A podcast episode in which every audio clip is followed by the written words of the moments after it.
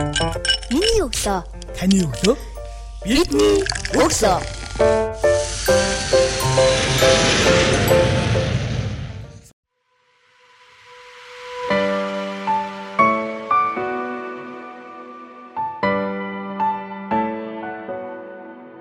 Сайн байцгаана уу сонсогчдоо та бүхэнд шинэ өглөөний мэндийг хүргэж байна. 7 хоног бүрийн даваа гарагийн өглөөний 7 цагаас сонсогч та бүхэнд хүрдэг миний өглөө сурал подкастын шинэхэн дугаар сонсогч та бүхэнд хүрч байна. Энэ удаагийнхаа дугаараар сонсогч та бүхэнд Specialized Career Consulting компани гүйцэтгэх захирал Аз Баяраг бүрэн оролцуулж байна. Танд шинэ өглөөний мэндийг хүргэе. За урд чинь ч гэсэн бас шинэ өглөөний мэнд хүргэе. Мөн сонсогчдоо бас өглөөний мэнд хүргэе. Таны өглөө хэрхэн яаж эхэлдэг вэ? За миний өглөө бол ерөнхийдөө 5:30-д өглөө сэрхээс эхэлдэг. Тэгээд мэдээж өглөөний цагаа бэлдээд бас би 3 настай хүүтэй. Тэгээд хүүгээ бас нөгөө цэцэрлэгт нь бэлдэн их нэртэйгээ хамт. Тэгээд бид гурав ер нь нэг 7 цагийн үед ажилдаа гараад явдаг. Тэгээд хүүгээ цэцэрлэгт нь оруулж өгчөөд тэгээд ажилдаа ирцгээдэг те. Аа. Өдрийнхөө төлөлтийг юунд дээр хөтэлдэг вэ? Аа би нөгөө ноутбукн дээрх календар дээр ер нь төлөлөө явчихдаг. Тэгээд тэрэн дээрээ зөвхөн өдрөөрч хийхгүй одоо аль болох урьдчилаа төлөвлөж болохоор юмнууд байвал сараар жилээр нь ч төлөвлөж хийх хичээждэг. Яг одоо ямар ажил дээр төвлөрөн ажиллаж байна? За одоогор бол бид нэр ерөнхийдөө шинэ үйлчлэгээ нэвтрүүлсэн манай компани Тэр нь хүний нөөцийн одоо аутсорсингийн хүний нөөцийн зуучлалын үйлчилгээнээс гадна бас бизнес аутсорсинг гэдэг үйлчилгээ шинээр нэвтрүүлж байгаа. Тэр маань ерөнхийдөө одоо гадны хөрөнгө оруулалттай гадны компаниуд Монголд үйл ажиллагаа эхлүүлэхтэй нь холбоотой тийм одоо дэмжсэн үйлчилгээ гэх юм уу да. Нэгэсэндөө тэр байгууллагыг тэр компаниг Монголд үйл ажиллагаа эхлэхтэй холбоотой офисын түрээс мөн одоо тэр оффист ажиллах хүмүүсээр нь хангаж өгөх. Дээрэс нь компаниа бүртгүүлэх, банкны данс нээлгэх гих мэтлэн ерөнхийдөө ингээд цогц үйлчлэгийг нь үзүүлээд явчихдаг. Таны ажилдаа хандах арга барилаасаа ер нь ажилдаа ямар арга барилаар ханддаг вэ? За нөгөө түрүү би календар хөтлөхтэй хэлсэнтэй холбоотой ер нь аль болох төлөвлөхийг хичээдэг. Тэгээ төлөвлөснийхөө дагуу ерөөхдөө ажил ажиллаа хийгээд явчихыг хичээдэг юм байна. Аа тэгээд мэдээж нөгөө одоо нийтдээ 370 гаруй ажилтнтай тэрний маань яг ихэнх нь гэрээт ажиллаж байдаг.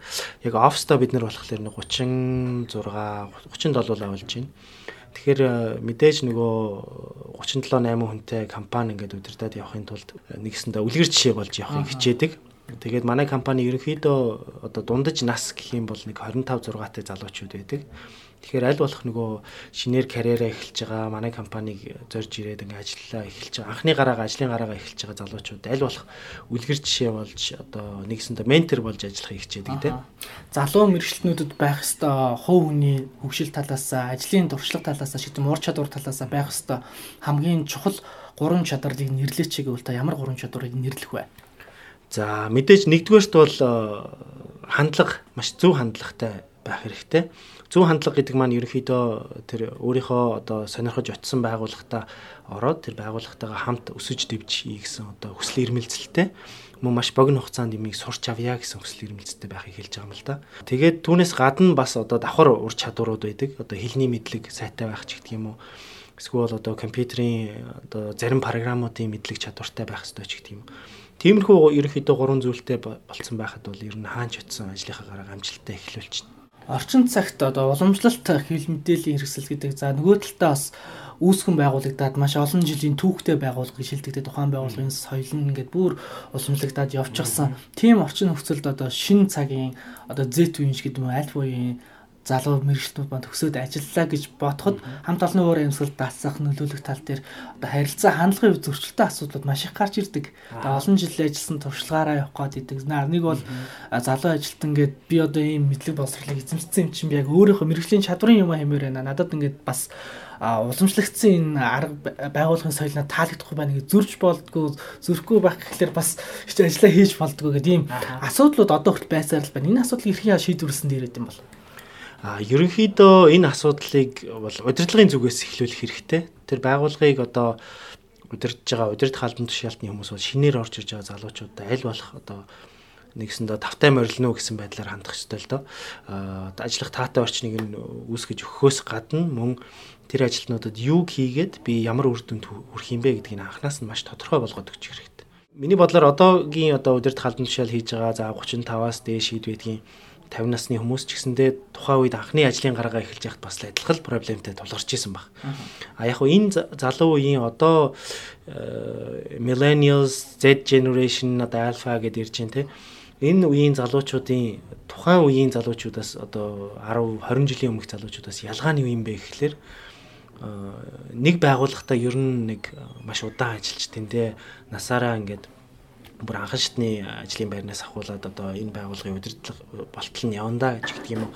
Тиймэрхүү зорилготой орж ирэх нэг багасчихсан. Тэгэхээр нэг байгууллага дээр ороод нэг 3-аас 5 жил ажиллаад дараагийнхаа өөр байгууллага дээр очиж шин зүйлд өөрийгөө одоо сорж үзэн ч гэдэг юм уу. Эсвэл шин зүйл сурна. Өөр салбарт ажиллаж үзэн ч гэдэг юм ийм төлөвлөгөөтэй орж ирдэг учраас ер нь тэр хугацаанд тэр ажилтнаас аль болох өндөр үр бүтээмжийг авахын тулд маш хичээж ажиллах одоо шаардлагатай болж эхэлж байна л да. Таасаа ярьлаа. Орж ирж байгаа ажилчид маань богино хугацаанд өөрийгөө хөгжүүлээд давхраас шинэ юм үзэх хүсэл сонирхолтой байна. Шинэ залуу ажилтнууд явах юм бол за хуучнаар бидний хөвссөн ойлголт юм бол альва нэг төрийн шинэ хувийн хвшилэнд тодорхой нэг компани өөрийнхөө хүссэн эзэмссэн мэрэгчлэрээ тогтвор сууршилттай ажиллах гэдэг бол нэг юм тогтцсон ойлголт нийгэмд байгаа. Гэтэл одоо яг миний сайн хүрээллийн сая 2 3 ч хүн нэг жилийн дотор дөрөв удаа ажиллаж солисон байна. За миллениал талдаа орно. За бас Z үе рүү ороод явах юм бол бас тийм байна. За мөн дээрэс нь нэг байгууллагт бүр 5 жил ажилласан найз маань яг өчигдөр билүү надтай уулзж байхдаа найз нь ажилласаа гарчлаа. Өөрийгөө хөгжүүлмөр байна. Би нэг юм тогтсон одоо хэм маягт орчоод байна. Би бас өөрийгөө хөгжүүлмөр байна. Шинэ юм үзэж хармаар байна. Тэгээ энэ сонголтыг би 2 жил бодчихж хийлээ гэж надад хэлж байгаа байхгүй юу. Тэгээ мад бас хэцүү байлаа. Тэгээ өдөрлөгийн зүгээс гэсэн юу вэ? Санхүүгийн проблем байв уу? Хамт олонны уур амьсгал байв уу? Тэгээд тэр хүн бол байгууллагын хувьд тодорхой үнцнийг бүтээсэн ажилтан. А гэхдээ өөрөө илүү их зүйлийг хийхин төлөө ажилласаа гарч байгаа. Тэрийг байгууллагын удирдлага бас ойлгосон. Аа тэгээд ажилласаа гараад өөр төсөл дээр одоо ингээ ороо явж байгаа юм. Тэгэхээр яг энэ нөгөө талдаа шин залуу болсон өвчин өөрийнхөө үн цэнийг тухайн компанитай бүрэн дүрэн гаргаж чадах, илэрхийлж чадах ур чадварын түвшинд одоо ахис дэвсэх дэвших. Аа нөгөө талдаа болохоор а ямар ч байгууллагууд олон жил болсон ч төрөнч хувийн ч бүх байгууллагын гүйцэтгэх төвшний ажилтнууд энэ орж байгаа ажилтныг хэрхэн яаж торгоон барих вэ?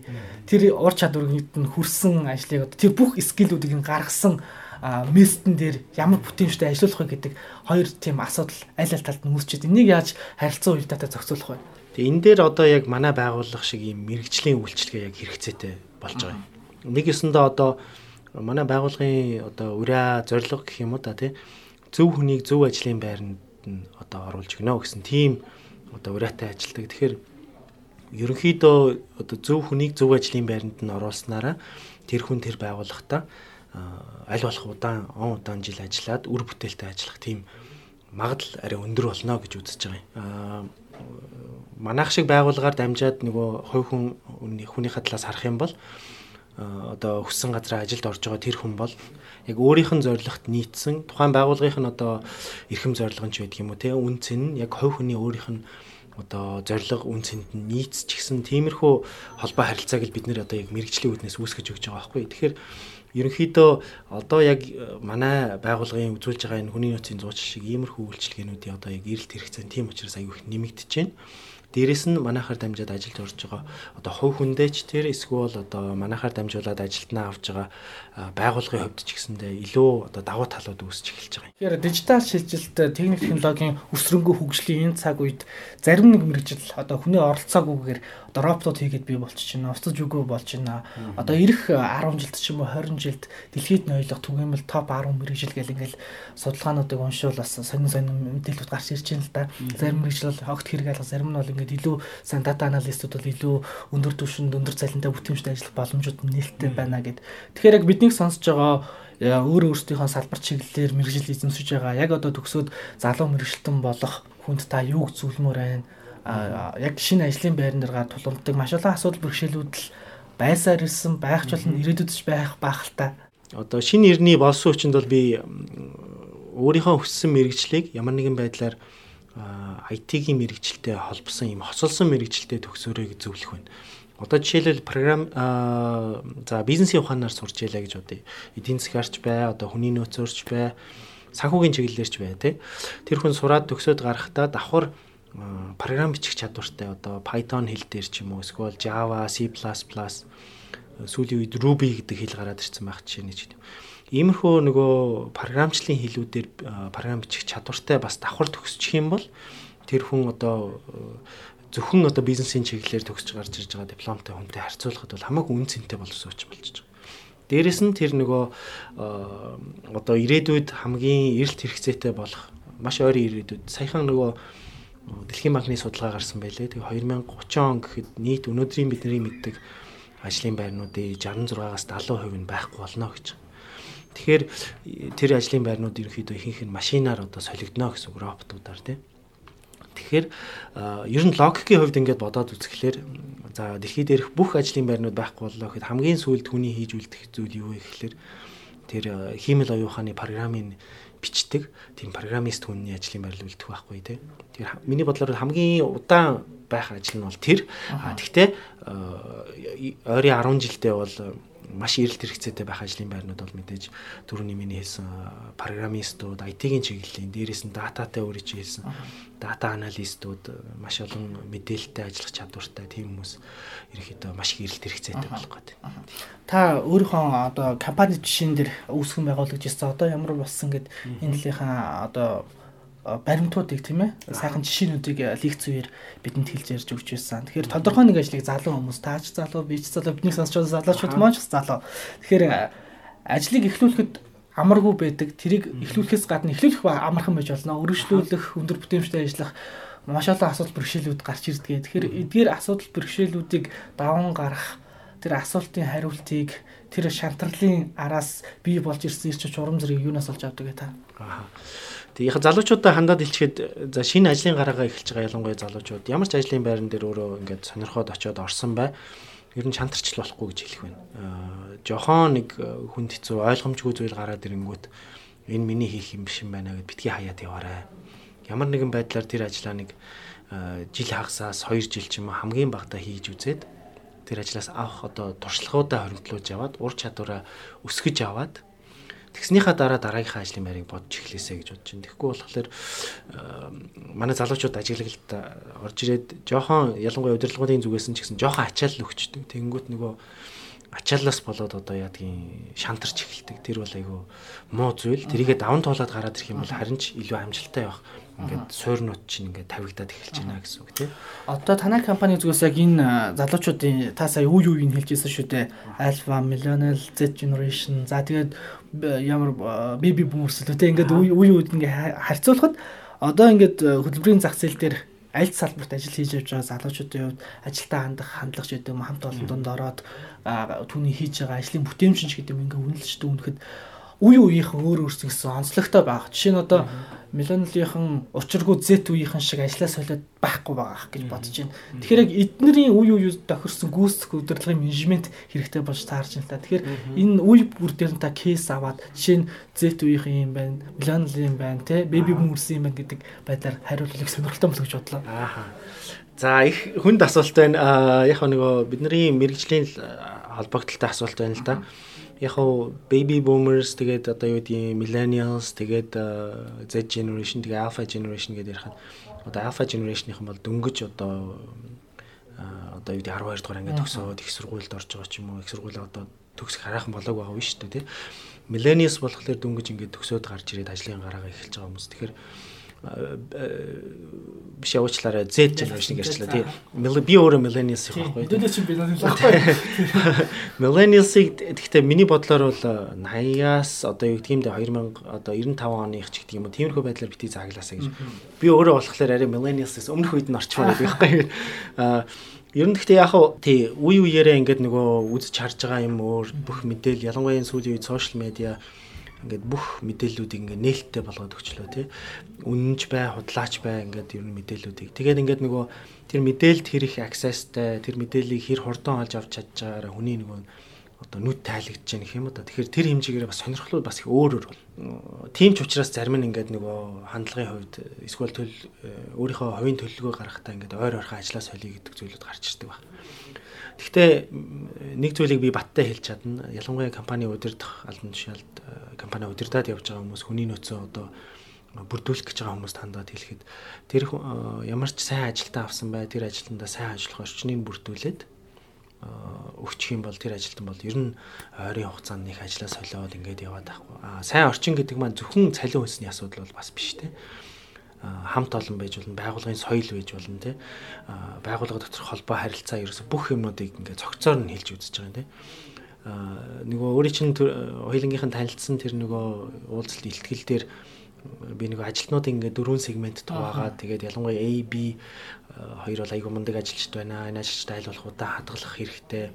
CD хэмжээний ажилтнуудыг бол ер нь хүссэн ажил руу нь явуулсан дээр гэж ярьжсэн тий. Яг тэрнтэй адилхан ер нь бүх ажилтнуудаа л A, B болохын төлөө хичээж ажиллах хэрэгтэй. Ялангуяа A ажилтнууд буюу ажлаа ямар ч одоо удирдах шаардлагагүйгээр маш зөвхөн чиглэлийн өгчөхөд маш сайн өндөр чанартай хийдэг ажилчтай бол саад бэрхшээлүүдийг аваад өгчих юм бол байхгүй болгочих юм бол тэр ажилтнууд бол үргэлж урагшаа тэмүүлэл ажлыг чинь бүтээгээл яваад байна те. B төвшний ажилтнуудыг болохоор аль болох A төвшин рүү баг зэргийн одоо супервижн баг зэргийн нөгөө зөвлөгөө өгөх шаардлага гардаг. Тэгтэл ажил ажлаа бас өндөр бүтээмжтэй хийдэг ажиллаж байх чинь. Тэгэхээр нэг айхтар генерашнэр нь ялгалгүйгээр ерөнхийдөө ажилчдаа бүгдээрэнд нь ялангуяа шинээр орж ирж байгаа хүмүүс нь бүр анхны одоо танай байгууллагт анхны одоо хөлөөд хөл тавих гэж ярьдаг тийм ингээд хаалгаар нь ингээд орж ирэхээс ахуулаад тэр хүнд би энд ажиллахад ер нь таатай орчинтай байх шүү гэдэг сэтгэлийн л үлдээчих юм бол тэр хүн бол ер нь танай байгууллагаас нэг явах гэж яарад байхгүй тий. Аа. Маш их баярлалаа. За подкастын төгсгөлд э, оролцож байгаа зочин болгон биднийг сонсож байгаа сонсогчдод хандаад нийгэмдээ чиглэсэн эрг уриалгыг дэвшүүлдэг. Таны зүгээс ямар уриалгыг дэвшүүлэх вэ?